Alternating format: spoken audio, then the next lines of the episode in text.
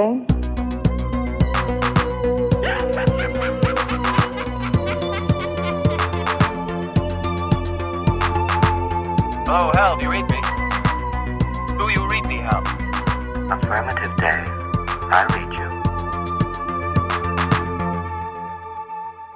Welkom bij deze tweede Gremlin Strike Back Summer Special. Uh, zoals jullie ondertussen weten, besloten Bart, Sven en ikzelf een korte break te nemen, maar blijven jullie wel twee wekelijks van content voorzien. Uh, al is dat uh, op een iets andere manier. Ik hoop dat jullie hebben genoten van de eerste special, namelijk Sven zijn bijdrage als DJ Critty. Uh, het was misschien geen verrassing dat hij een extended version van zijn Hills Are Alive segment op jullie losliet. En als we diezelfde lijn doortrekken, mag het ook niet verbazen dat jullie van mij een uitgebreide weetjesmelie krijgen. Ladies and gentlemen, I'm here tonight to tell you a very strange story. A story so strange that no one will believe it. Maarten Melons weetjesmelie!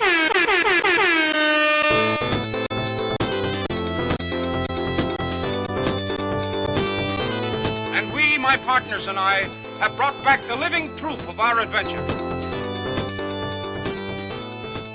Het mag dan wel zomervakantie zijn, we hoeven daarom natuurlijk geen zwaarmoedige thema's uit de weg te gaan. Ik heb voor jullie een lijstje klaar van films die allen één iets gemeen hebben. Namelijk dat er tijdens het maken van de film zowel on- als offset minstens één iemand om het leven kwam van cast en of crew. Uh, van sommige tragedies zullen jullie zeker al gehoord hebben. Uh, andere titels uh, of andere gevallen wisten jullie misschien niets over. Eender hoe, let's get down to business.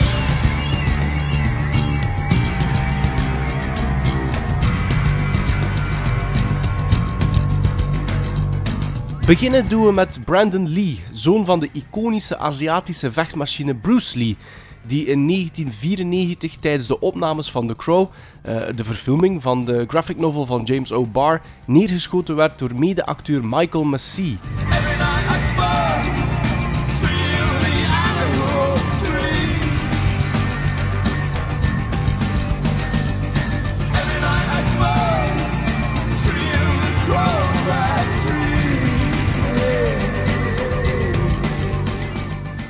De film vertelt het verhaal van Eric Draven, een muzikant die op trouwen staat, maar samen met zijn verloofde op een nacht vermoord wordt.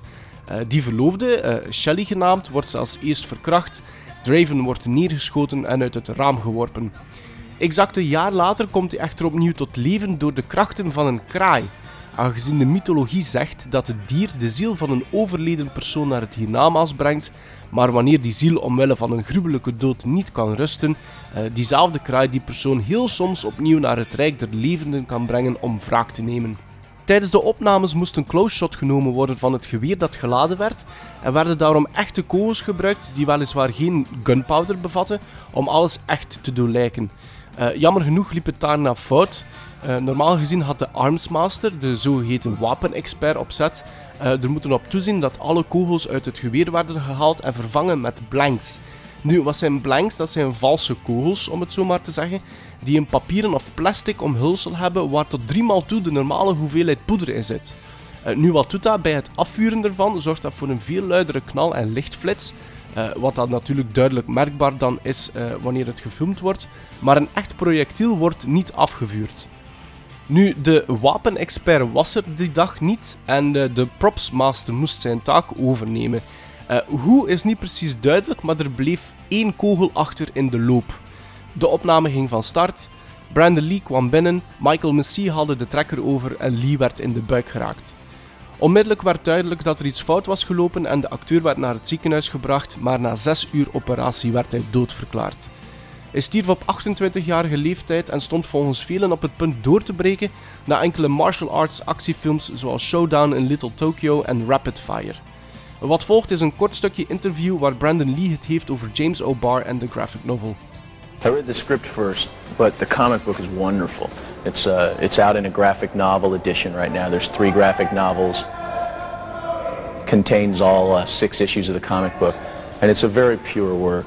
Um, the writer's been out on the set a lot, and I've gotten a chance to meet him. You wouldn't necessarily bring him home to dinner with your mother, and I think he'd like me to say that about him. But um, it really is a very pure work. It came from some experiences of his own. And an interesting thing that I like about it is it's essentially a story about a man and a woman who are victims of a terrible crime. And the man gets a chance to come back to try and seek justice, which is something that you just read the news or look around and often does not happen. And uh, very satisfying in that way. Voor diegenen die graag een graphic novel lezen, raad ik The Crow trouwens absoluut aan omwille van de diepe emotionele betekenis ervan, want ook daar hangt een tragedie aan vast. Illustrator James O'Barr had een nogal ja, moeilijke jeugd. Hij had niet echt de beste looks, werd gepest, zijn karakter was ook niet dat. Hij had geen succes met de meisjes en zo verder enzovoort. Dat verandert wanneer hij in de jaren 70 verliefd wordt op een zekere Beverly, die, tot zijn eigen verbazing, die gevoelens beantwoordt.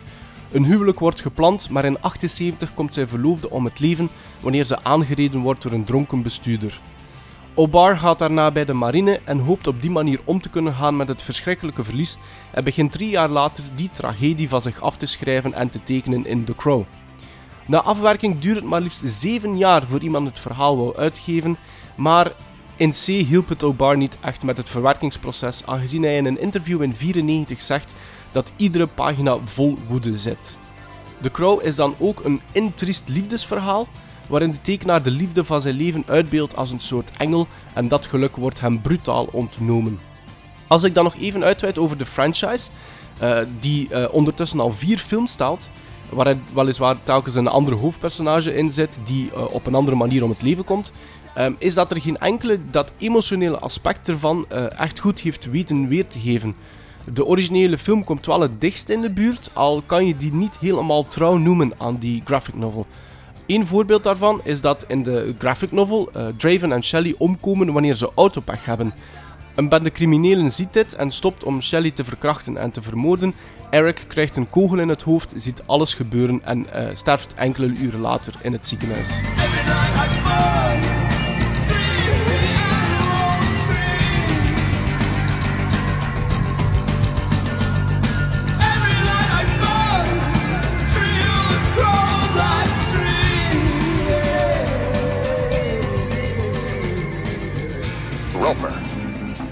Williams, and Lee, the Deadly Three, penetrate the secret chambers of an evil island empire. What do you know about Han? He lives like a king on that island, totally self sufficient. A fortress without walls, protected by an invincible army that needs no ordinary weapons. This is Enter the Dragon from Warner Brothers. Het is natuurlijk onmogelijk Brandon Lee aan te halen als uh, begin zonder het daarna over zijn vader te hebben, want ook Bruce Lee stierf een vreemde dood. In 1973 was hij bezig met de nasynchronisatie van Enter the Dragon, een uh, film met onder andere John Saxon en Jim Kelly in de andere hoofdrollen, wanneer hij tijdens zo'n sessie in elkaar stuikt. Geplaagd door helse hoofdpijn en uh, seizures wordt in het ziekenhuis aangetoond dat er sprake is van een hersenoedeem. Uh, de zwelling in zijn, uh, in zijn hoofd wordt verminderd. En alles lijkt in orde tot hij een dikke maand later, op 20 juli, opnieuw last krijgt van dezelfde symptomen. Van Betty Ting Pei, een Taiwanese actrice en vriendin van Lee, krijgt hij een kalmeringsmiddel waar, ja, zo bleek later na een autopsie, hij een allergische reactie op krijgt. Uh, Lee ging even liggen om te slapen, maar werd nooit meer wakker. Na zijn dood deden allerlei bizarre scenario's de ronde.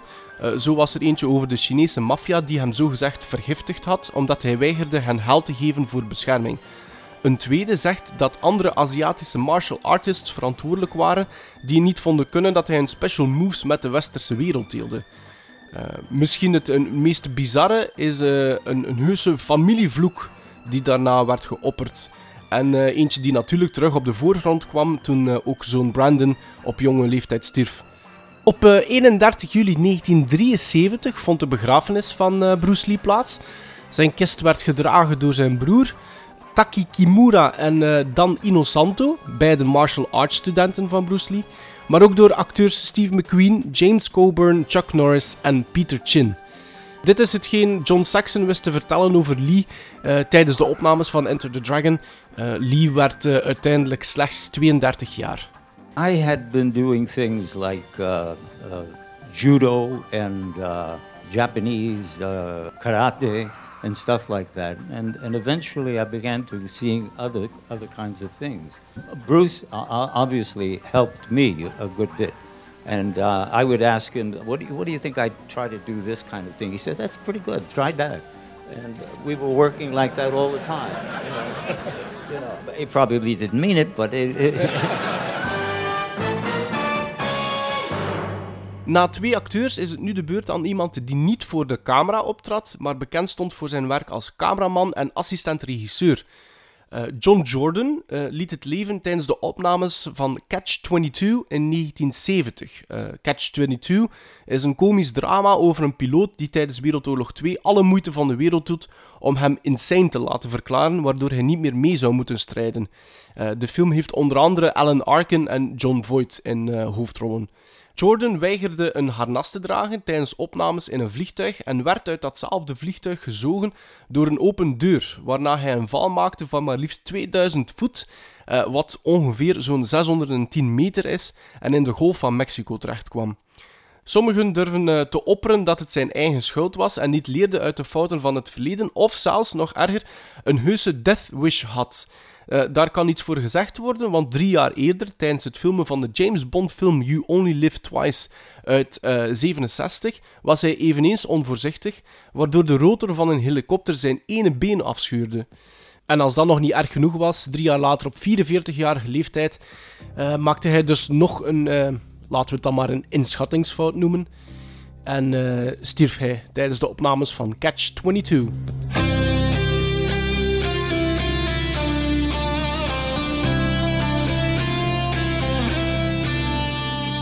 We gaan 16 jaar vooruit, naar het jaar 1986, maar blijven wel in de lucht. Ongetwijfeld weten mijn co-host Bart de Duitse en zeker Sven de Ridder al aan de muziek over welke film het gaat, namelijk eentje met Sven zijn idool Tom Cruise genaamd Top Gun. Ook deze klepper kent zijn dodelijk verhaal. Art Scholl, befaamd omwille van zijn vliegtuigstunts voor films zoals Jonathan Livingston Seagull en Indiana Jones and the Temple of Doom, had zijn eigen school en uh, fungeerde er als instructeur, maar gaf dat na 18 jaar op om exclusief bezig te zijn met stunts voor films. Tijdens de opnames van Top Gun probeerde hij een zogenaamde flat spin uit te voeren, maar, eh, zo gaat het verhaal toch, door de cameraapparatuur dat bevestigd was aan het vliegtuig bleef het maar tollen en crashte uiteindelijk in de stille oceaan. Net daarvoor blijkt Scholl nog te hebben geroepen: I have a problem, I have a real problem. Het reddingsteam vond enkel minieme stukjes schroot terug en een kleine olievlek. Um, ook een tweede vliegtuig dat na ongeveer 45 seconden al ter plaatse was, zag geen enkel spoor meer van het vliegtuig of zelfs van de impact van de crash. Tot op vandaag werd het lichaam van Art niet teruggevonden. Volgens sommigen zou het vliegtuig tot zo'n 274 meter diep liggen. Dit is wat Rick Rossovich, uh, slider in de film Top Gun en bekend van onder andere Roxanne, The Terminator en Navy SEALs, daarover te zeggen had. Anytime someone dies in a movie, it just that's nothing worse could happen than that. And uh, we were all really saddened by it. And, and, he was really that guy was he was a real thing. He really done some stuff, and uh, the film's dedicated to him. You know, it's and uh, it's it's really sad. It's really sad. Straks bespreek ik de dood van een actrice uit 1923, dus gaan we even terug in de tijd. Maar daarvoor, speciaal voor DJ Critty en alle andere fans van Top Gun, luisteren we nog even verder naar de Top Gun Anthem van Harold Faltermeyer.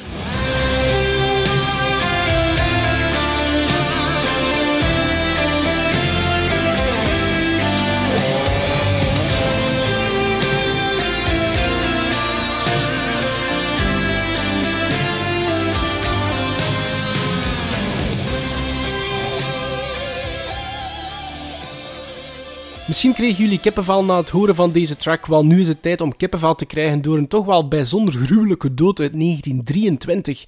Uh, de actrice in kwestie heet, uh, heette Martha Mansfield en werd slechts 24 jaar toen er een incident was tijdens de opnames van The Warrants of Virginia. Nu, vier jaar daarvoor had ze haar eerste rol in Hollywood uh, te pakken. Maar echt opgemerkt werd ze toen dat ze datzelfde jaar ook een rol vertolkte in de adaptatie van uh, Dr. Jekyll en Mr. Hyde. Nu, op 30 eh, november 1923 was Mansfield op locatie aan het filmen in San Antonio in Texas. Ehm, en zat ze even gewoon in een auto te rusten wanneer een andere acteur die wagen voorbij liep. Het probleem was dat hij net een sigaret had aangestoken en de nog steeds brandende lucifer uh, wegwierp die door het raam van de auto vloog en op het kostuum van de actrice belandde die onmiddellijk in lichterlaaien stond. Hoofdrolspeler Wilfred Lytel slaagde erin zijn overjas op haar lichaam te werpen voor de vlammen haar nek en gezicht bereikten, maar de opgelopen verwondingen bleken te ernstig. Martha Mansfield stierf iets later in het ziekenhuis.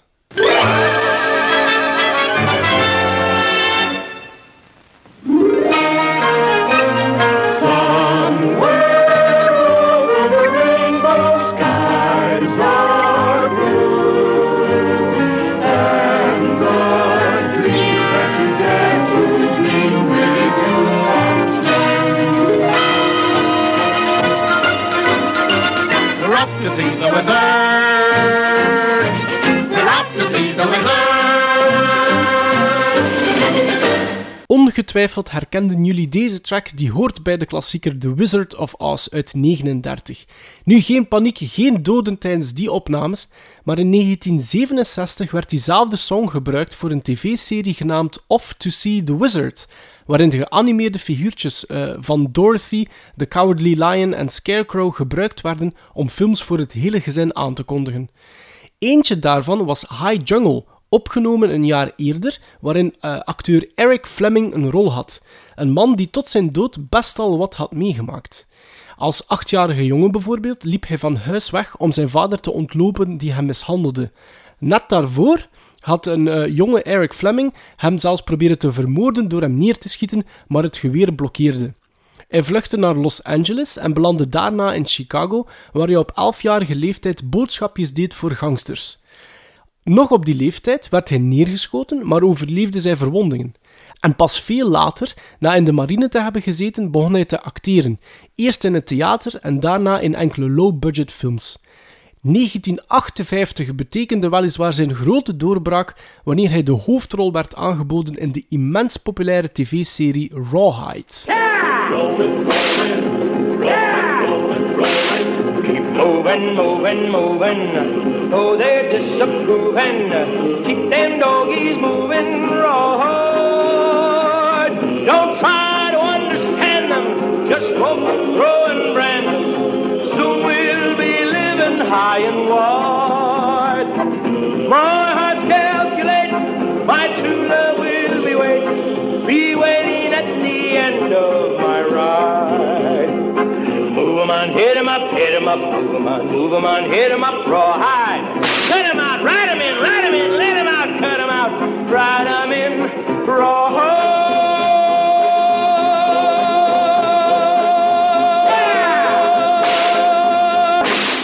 202 afleveringen later nam hij opnieuw rollen aan voor films en zijn laatste ooit was dus die High Jungle.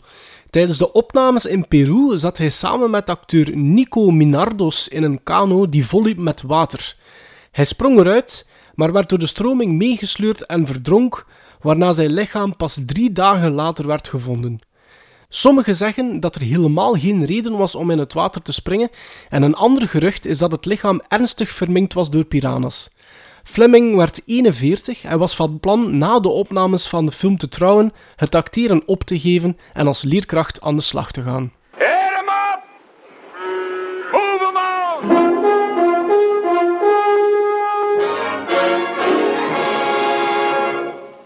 Van 1966 maken we de sprong naar dit jaar, naar 2016 en naar een film die nog moet verschijnen, namelijk Resident Evil The Final Chapter. Uh, de zesde en normaal gezien laatste film van de franchise die is gebaseerd op de populaire Capcom videogames. Want wie dacht dat er vandaag de dag geen doden meer vielen tijdens opnames, vergist zich schromelijk. Crewlid Ricardo Cornelius bijvoorbeeld, 34 jaar. Hij werd door een hummer die op een roterend platform stond en begon te slippen tegen een muur gedrukt en uren later in het ziekenhuis doodverklaard. Maar dat was niet het enige incident tijdens de opnames van deze film die momenteel in post-production is. Iets beter verging het stuntvrouw Olivia Jackson, die onder andere ook op de set stond van Mad Max Fury Road, Star Wars The Force Awakens en Guardians of the Galaxy. Zij had een scène waar ze op een motorbike rijdt, maar kon door de aard van die scène geen helm dragen. Een soort van kraanarm waar een camera op gemonteerd was, werkte niet zoals het hoorde, waarna de vrouw aan hoge snelheid er tegenaan knalde. Maar liefst twee weken moest ze in een kunstmatige coma gehouden worden en toen ze uiteindelijk wakker mocht worden kreeg ze daarboven nog slecht nieuws te verwerken. Haar linkerarm moest geamputeerd worden en haar gezicht aan de zijkant is permanent verminkt. Stunts zijn natuurlijk eh, heel leuk en mooi om naar te kijken, maar soms lopen ze dus niet goed af. Um, Olivia Jackson is daar een voorbeeld van, maar het kan nog veel erger. Uh, denken we maar aan Kun Liu van uh, The Expendables 2, die er diende als stand-in voor uh, acteur Jet Li en die omkwam tijdens een van de vele explosies tijdens de opnames. natuurlijk was de hele crew en cast onder de indruk, maar voor bijvoorbeeld Sylvester Stallone was het niet de eerste keer dat hij zoiets meemaakte. Het was maar liefst de derde keer dat hij meewerkte aan een film uh, waar iemand uh, om het leven kwam tijdens de opnames. The Expendables 2, een film uit 2012. Uh, als ik vijf jaar daarvoor terug ga in de tijd, kom ik in 2007 uit bij de opnames van The Dark Knight. De tweede film van regisseur Christopher Nolan in zijn Batman-trilogie. Met Christian Bale als Batman en de betreurde Heath Ledger, nog zo'n acteur die veel te vroeg gestorven is, in de rol van de Joker. nu over Heath Ledger heb ik het niet, ik heb het over Conway Wycliffe. Om toch in de stuntsector te blijven, hij was een stunt technician, stunt coordinator, die ook op uh, andere sets stond, zoals bijvoorbeeld Batman Begins, V for Vendetta en de James Bond film Casino Royale, om er een paar te noemen. Uh, voor degenen die The Dark Knight gezien hebben, uh, zit er een, een, een shot, een scène waar de Batmobile ontploft. Nu was het zo dat Conway Wycliffe ondertussen daarnaast reed in een Nissan 4x4. Hij reed niet zelf, want hij had een camera in zijn hand om een paar shots te nemen. Um, het was de bedoeling dat die wagen op een gegeven moment een bocht ging maken, maar op de een of andere manier lukte of gebeurde dat niet. Waarna die uh, frontaal tegen een boom uh, gecrashed is. Volgens de bestuurder die er zonder kleerscheuren uitkwam, reed hij maar 34 mijl per uur. En uh, dat is omgerekend zo'n 55 km per uur. jammer genoeg um, bleek er meer aan de hand te zijn voor Wycliffe. hij had serieuze head injuries en overleed op 41-jarige leeftijd. He drove fast cars in the movies, and tonight he died in one. Actor Paul Walker of the Fast and Furious franchise killed in a car crash, and he was just 40 years old. We told you about the crash first at 6, and in the hours since, NBC News has confirmed his death with his publicist. Bij de luisteraars misschien wel het best gekende voorbeeld van een acteur die komt te overlijden tijdens eh, de opnames van een film heel recent natuurlijk ook, is die van uh, Paul Walker, de ster van de Fast and the Furious franchise, die op 30 eh, november 2013 overleed toen hij in de auto zat van zijn goede vriend Roger Rhodes, een uh, Porsche Carrera GT. Het betreft hier dus niet over een onset death, maar een offset death. Beide mannen zaten in de wagen, maar uh, blijkt uh, later uit het verslag moet die Roger Rhodes veel te snel hebben gereden. Hij verloor de controle over het stuur. De wagen raakte een uh, betonnen verlichtingspaal, crashte daarna tegen enkele bomen en vatte onmiddellijk vuur. Universal Pictures issued this statement tonight saying Paul Walker was one of the most beloved and respected members of their studio family. It also sends its deepest and most sincere condolences to Paul's family. Toen de hulpdiensten ter plekke kwamen, waren beide mannen al overleden en volgens ooggetuigen waren hun verwondingen zo erg dat ze nagenoeg onherkenbaar waren. Regisseur James Wan, die op dat moment bezig was uh, met de opnames van de zevende film uit de franchise, moest hierna beroep doen op de broers van Paul Walker om alle resterende scènes in te kunnen blikken en de opnames succesvol af te ronden. Dit is wat hij later over Walker nog wist uh, te vertellen. You know, after Paul's passing, it was very difficult for all of us, and uh, and you know, uh, the idea of continuing on the movie without Paul was very daunting, and uh, and just because you know, like. Uh, Paul was such an amazing human being when he was around. He literally was like one of the coolest guys I've ever, ever had the uh, fortune to to have met. Um, He was, uh, he was so non-Hollywood, which was what I love about him. Moesten jullie meer willen weten over regisseur James Wan, kunnen jullie altijd aflevering 11 uh, beluisteren of herbeluisteren van onze Gremlin Strike Back podcast. Uh, daarin uh, besprak ik The Conjuring 2, zijn laatste film, maar met uitbreiding ook zijn palmares en wat ik van hem vind als regisseur.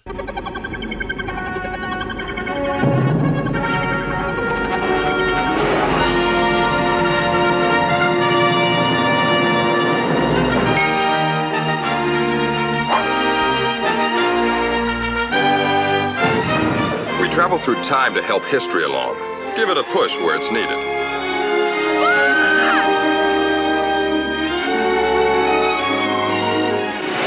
When the Omni's red, it means history's wrong. Our job's to get everything back on track.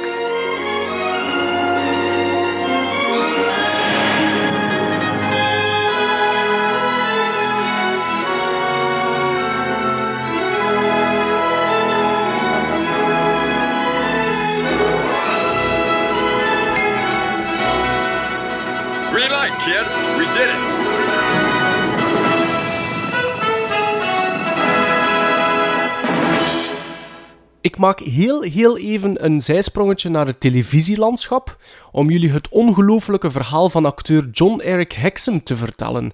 Eh, die man werd eh, bekend in 82-83 door zijn rol eh, als Phineas Bog in de televisieserie Voyagers, waar jullie daarnet de intromuziek van konden horen. Die serie vertelde het verhaal van een man, John Eric Hexam dus, die in de tijd kon reizen en dat samen met een jongetje deed om zo de fouten in de wereldgeschiedenis recht te kunnen zetten. De man werd daarna uh, aanzien als een soort van rising star, maar had nogal een vreemd karakter en maakte ook bizarre beslissingen omtrent zijn carrière. Uh, zo uh, ging hij niet in op aanbiedingen om onder andere in andere series als The Dukes of Hazzard en Chips mee te spelen. Toch twee titels die daarna echt wel heel bekend uh, zijn geworden en veel succes hadden. Uh, nee, in 1984 begon hij aan de opnames van een andere televisieserie genaamd The Cover-Up. Um, dat ging over een ex-Special Forces soldaat die samen met een, een vrouwelijke modefotografe een team vormt om zo wereldwijd missies te gaan doen. Nu, tijdens de opnames van die cover-up was er een periode waar niet gefilmd kon worden door technische defecten of wat dan ook. Dus moest er even gepauzeerd worden. En blijkbaar was John Eric Hexam een man die nogal snel verveeld werd. En uh, hij vond er dus niks beter op om die tijd te doden door een spelletje valse Russian roulette te spelen. Russian roulette, het ja, dodelijke spel natuurlijk, waarbij één kogel in de wheelbarrel van een geweer wordt gestoken, waarna minstens twee verschillende mensen uh, elk op hun beurt het wapen tegen het hoofd zetten, tot er één iemand, ja, pech heeft, laten we maar zeggen. Hè. Um, nu, wat had hij gedaan? Hij had het geweer volgestoken met blanks, waar ik het al over had uh, in het segment van The Crow en het overlijden van Brandon Lee, uh, om volgens sommigen aan te tonen dat die blanks volledig veilig waren. Zoals ik al uh, eerder zei, uh, gaat dat gepaard met een, een, een duidelijkere lichtflits, een, uh, een veel luidere knal, maar komt er nog altijd een vorm van druk vrij.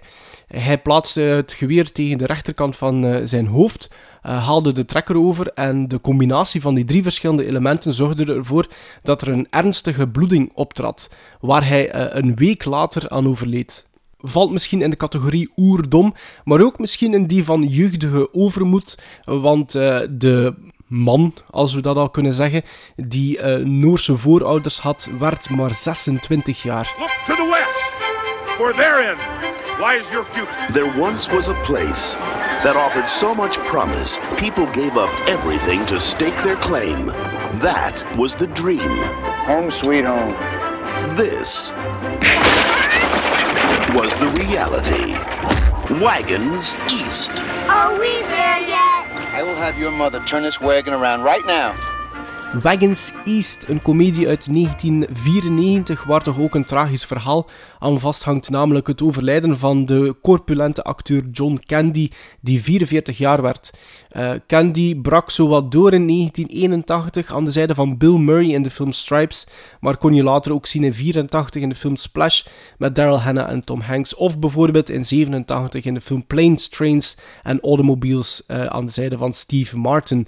Maar voor mij zal hij altijd de coach blijven van het uh, Jamaican bobsled team uh, in uh, Cool Runnings uit 1993. Tijdens de opnames van Wagons East stierf John Candy een natuurlijke dood. na een volledige dag opnames maakte hij nog een, een schotel lasagne.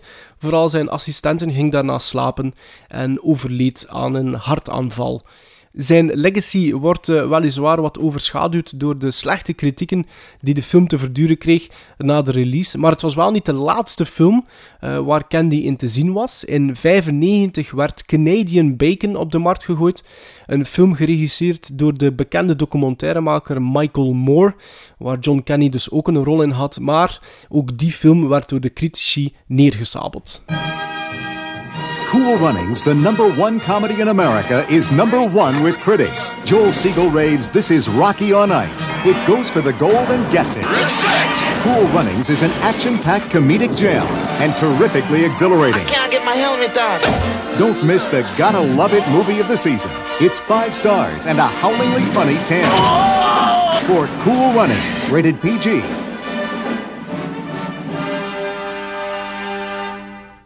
Ik ga nog even way, way back om jullie het tragische levensverhaal van acteur Bela Lugosi te vertellen, die jullie waarschijnlijk het best kennen uh, voor zijn rol als uh, Dracula in de Hollywood-verfilming van 1931. Lugosi, geboren in uh, Hongarije in 1882, uh, verhuisde naar Amerika in 1919 om de Hongaarse revolutie te ontvluchten en uh, begon al snel rolletjes te vergaren op Broadway, in het theater dus. Zijn belangrijkste rol, nog voor er sprake was van een verfilming, was die van Graaf Dracula in het gelijknamige theaterstuk. Springen we dan naar 1931, waar Universal Studios begon aan de voorbereidingen van de eerste officiële verfilming van het eh, beroemde boek van Bram Stoker, is het misschien de moeite waard om te, te vermelden dat die film er bijna niet was gekomen. Uh, de oprichter van Universal Studios, Carl Laemmle Sr., uh, droeg horrorfilms namelijk geen warm hart toe. En dat is vreemd, want de realisaties met Lon Chaney, zoals The Phantom of the Opera uit 1925, of The Hunchback of Notre Dame twee jaar eerder, uh, rinkelden uh, het hardst aan de kassa. Het was zijn zoon, Carl Laemmle Jr., die kost wat kost de filmrechten wou bemachtigen, met het idee wel om Cheney te strikken om de hoofdrol te vertolken. Dat de productie van start ging was eigenlijk in de eerste plaats te danken aan die theaterversie, waar ik het daarnet al over had, die ondertussen al zo'n drie jaar liep. Uh, en, en, daaruit bleek dat het mogelijk was om het gruwelijke bronmateriaal, toch in die tijd de het gruwelijke bronmateriaal, uh, dat het mogelijk was om dat wat af te zwakken en zo een mainstream publiek te kunnen bereiken. Bizar genoeg was het dus niet Lugosi, uh, maar Lon Chaney die bovenaan het lijstje stond van potentiële acteurs om die ja, iconische titelrol voor zijn rekening te nemen. Maar toen hij in 1930 stierf aan kanker en ook uh, de populaire Conrad Veidt afhaakte, uh, kwam Lugosi zelf plots in de spotlight te staan en haalde hij zijn slag thuis. De naam Conrad Veidt doet misschien bij de luisteraar een belletje rinkelen. Uh, in aflevering 11 liet ik uh, Bart en Sven namelijk uh, naar The Man Who Laughs uit 1928 kijken, een stomme film. met daarin Veidt in de hoofdrol. Dus als jullie meer over die film willen weten, aflevering 11. Terug naar Lugosi en de release van Dracula, waarna je toch zou verwachten dat de man gelanceerd was.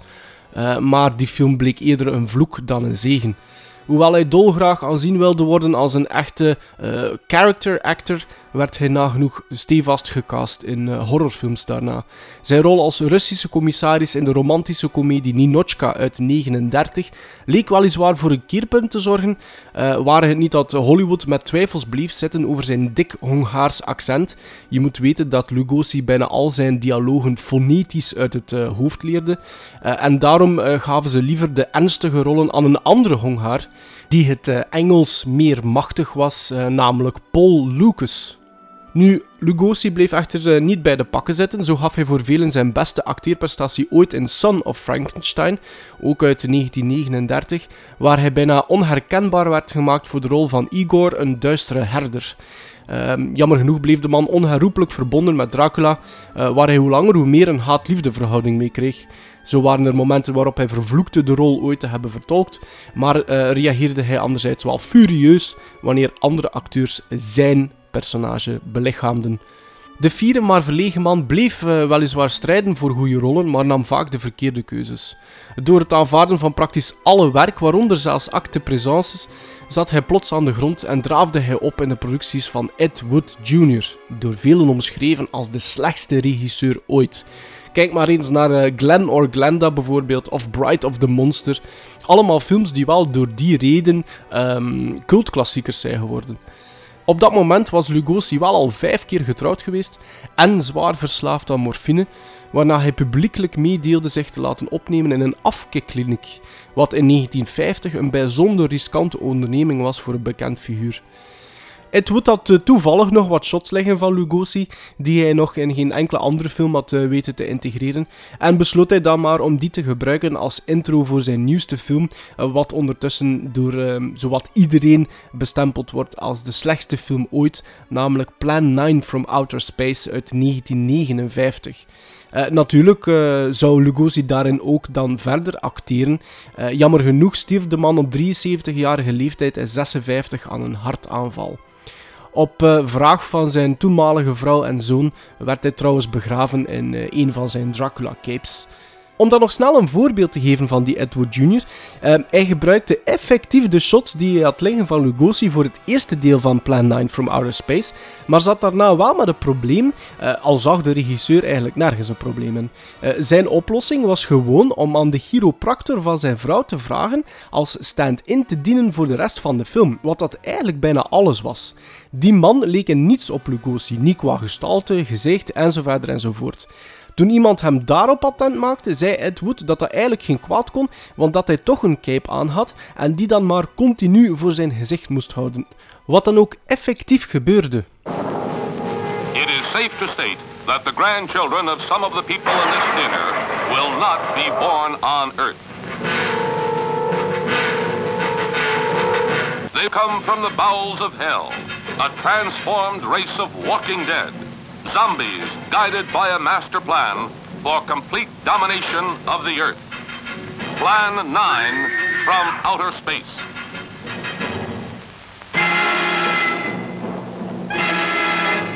Starring the most nightmarish cast ever.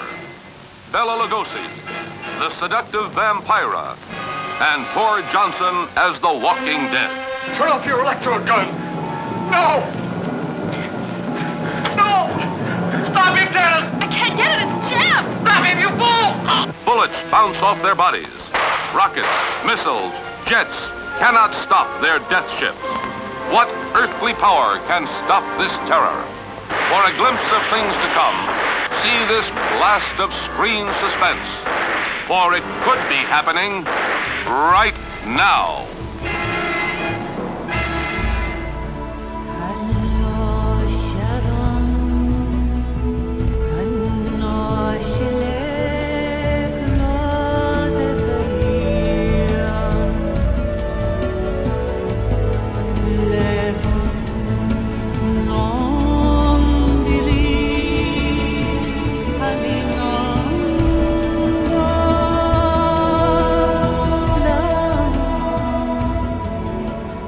Ridley Scott's Gladiator uit 2000 is de voorlaatste film die ik zal aanhalen in deze summer special. En meer bepaald uh, het overlijden van acteur Oliver Reed tijdens de opnames. Uh, Oliver Reed, die jullie misschien kennen door zijn rollen in Oliver uit 68, de verfilming van het boek van Charles Dickens. Uh, Tommy, gebaseerd op de LP van The Who. Of misschien wel The Brute uit 79, geregisseerd door David Cronenberg. Reed had een nogal uh, wankel palmares, een nogal uh, onevenwichtige carrière. Uh, hij werd geboren in 1938, maar het duurde tot de late jaren 50 vooraleer hij zijn eerste stapjes als acteur zette. Eerst als figurant trouwens, in enkele films en televisieseries. Dat veranderde in de jaren 60 en zeker in 1969, wanneer hij een van de weinige opties was om mogelijk de nieuwe James Bond te worden. Nu, hij viel naast die rol, die ging uiteindelijk naar iemand anders. Uh, maar uh, zo ging zijn populariteit wel omhoog. En misschien wel zijn piekmoment kende hij in 73, wanneer hij een van de musketiers speelde in The Three Musketeers. Die populariteit kelderde weer in de jaren 80 toen hij in een hele reeks van films zat die dicht tegen het exploitation genre aanleunde, of zelfs regelrechte exploitation films waren en die gereleased werden straight to video. Uh, dat Reed een notoire drinker en vrouwenzot was, heeft daar misschien ook wel iets mee te maken. Uh, zo kotste hij ooit Steve McQueen vol uh, na een lange wilde nacht, of probeerde hij de bekende feministe Kate Millett tijdens een talkshow binnen te draaien met de woorden Give us a kiss, big tits. Het drinken heeft hij nooit afgezworen trouwens. In 1999 uh, werd hij gecast als Proximo in Ridley Scott's Gladiator dus. En tijdens het filmen van enkele scènes in Malta hield hij halt in een bar en wandelde hij er nooit meer buiten. als we de verslagen mogen geloven, dronk hij er drie flessen Captain Morgan Jamaica Rum acht pinten en eh, verschillende shots whisky en cognac. Reed werd plots onwel, viel van zijn stoel en stierf aan een uh, hartaanval op zijn 61ste. Zijn dood had trouwens gigantische gevolgen voor het verdere verloop van uh, de opnames van Gladiator. Uh, zo werd er gebruik gemaakt van een stand-in om de resterende scènes op te nemen, maar belangrijker, het kostte maar liefst 3 miljoen dollar om zijn gezicht digitaal op enkele van die scènes te kunnen kleven. Laten we nog even verder luisteren naar Now We Are Free, horen tot de, soundtrack van Gladiator door Hans Zimmer en Lisa Gerrard.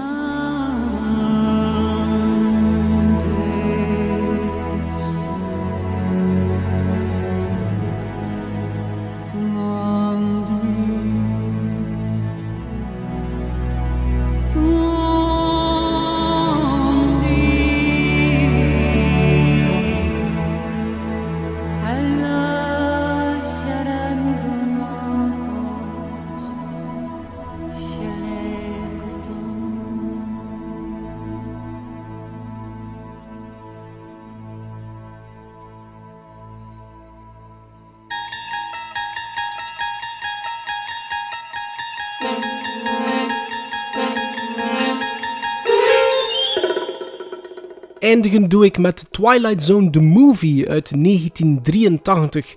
Een film die misschien wel het meest lugubere verhaal heeft van uh, heel deze special. Deze anthology movie heeft eigenlijk uh, vier verschillende verhaaltjes die elke geregisseerd werden door een andere regisseur. En eigenlijk één voor één uh, remakes zijn van episodes uit de originele televisiereeks die liep van 59 tot 64. Het meest lugubere verhaal zei ik omdat er tijdens de opnames van het eerste verhaaltje genaamd uh, Time Out en geregisseerd door John Landis, die we onder andere kennen van An American Werewolf in London, maar liefst drie mensen om het leven kwamen, namelijk acteur Vic Morrow op zijn 53ste en twee kinderen. Time Out vertaalt het verhaal van Bill Connor, een man die nogal misnoegd reageert op het feit dat hij een promotie mist op het werk. Een promotie die hij zichzelf eigenlijk al had uh, toegeëigend, maar naar een Joodse medewerker gaat. Diezelfde avond gaat hij zich gaan bezatten op café uh, en begint hij nogal racistische taal te uiten, uh, waar natuurlijk negatief op wordt uh, gereageerd.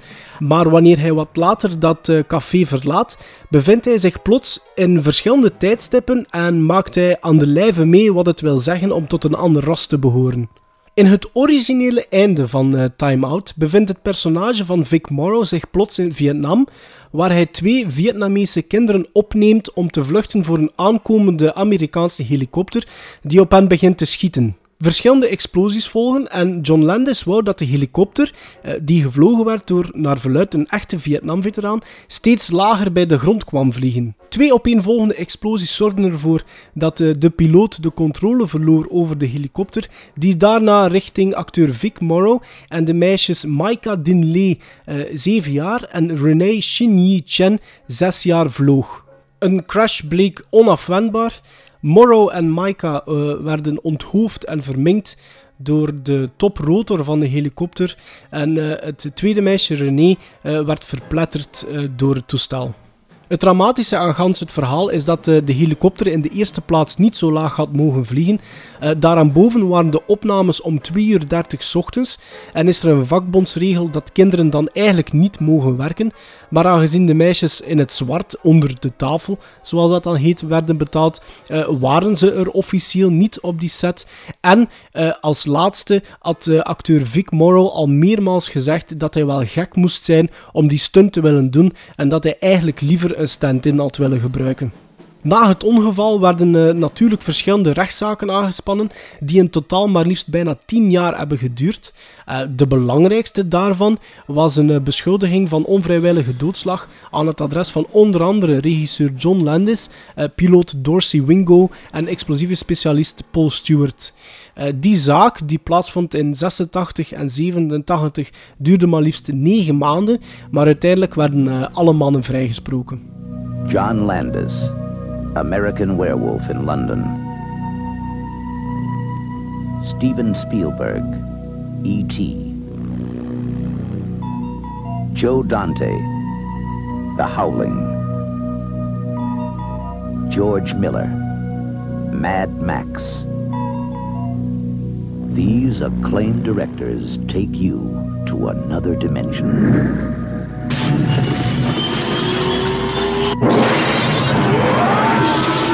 A journey into a wondrous land whose only boundaries are your imagination. Next stop, the Twilight Zone. Dat was het dan voor mijn Summer Special. Een uitgebreidere versie van Maarten Melons Weetjes Melie. Het segment uit de gewone afleveringen van de podcast. Uh, hopelijk hebben jullie ervan genoten. Al, al, klinkt dat wat morbide natuurlijk, uh, als we denken aan de inhoud ervan. Maar misschien zaten er titels en gevallen tussen uh, waar jullie nog nooit van hadden gehoord. Uh, blijf ons volgen via de bekende social media kanalen Facebook, Twitter, Instagram en Letterboxd. Feedback kan op die manier, maar kan je ook mailen naar gremlinsstrikeback@gmail.com. Binnen twee weken is er dus nog een laatste summer special uh, van dit jaar, namelijk die van Bart. En uh, vanaf september volgen er opnieuw gewone afleveringen met ons drie. Ik hoop dat jullie nog gaan genieten van Bart zijn bijdrage. En tot in september. Now, was that civilized? No, clearly not. Fun, but in no sense civilized.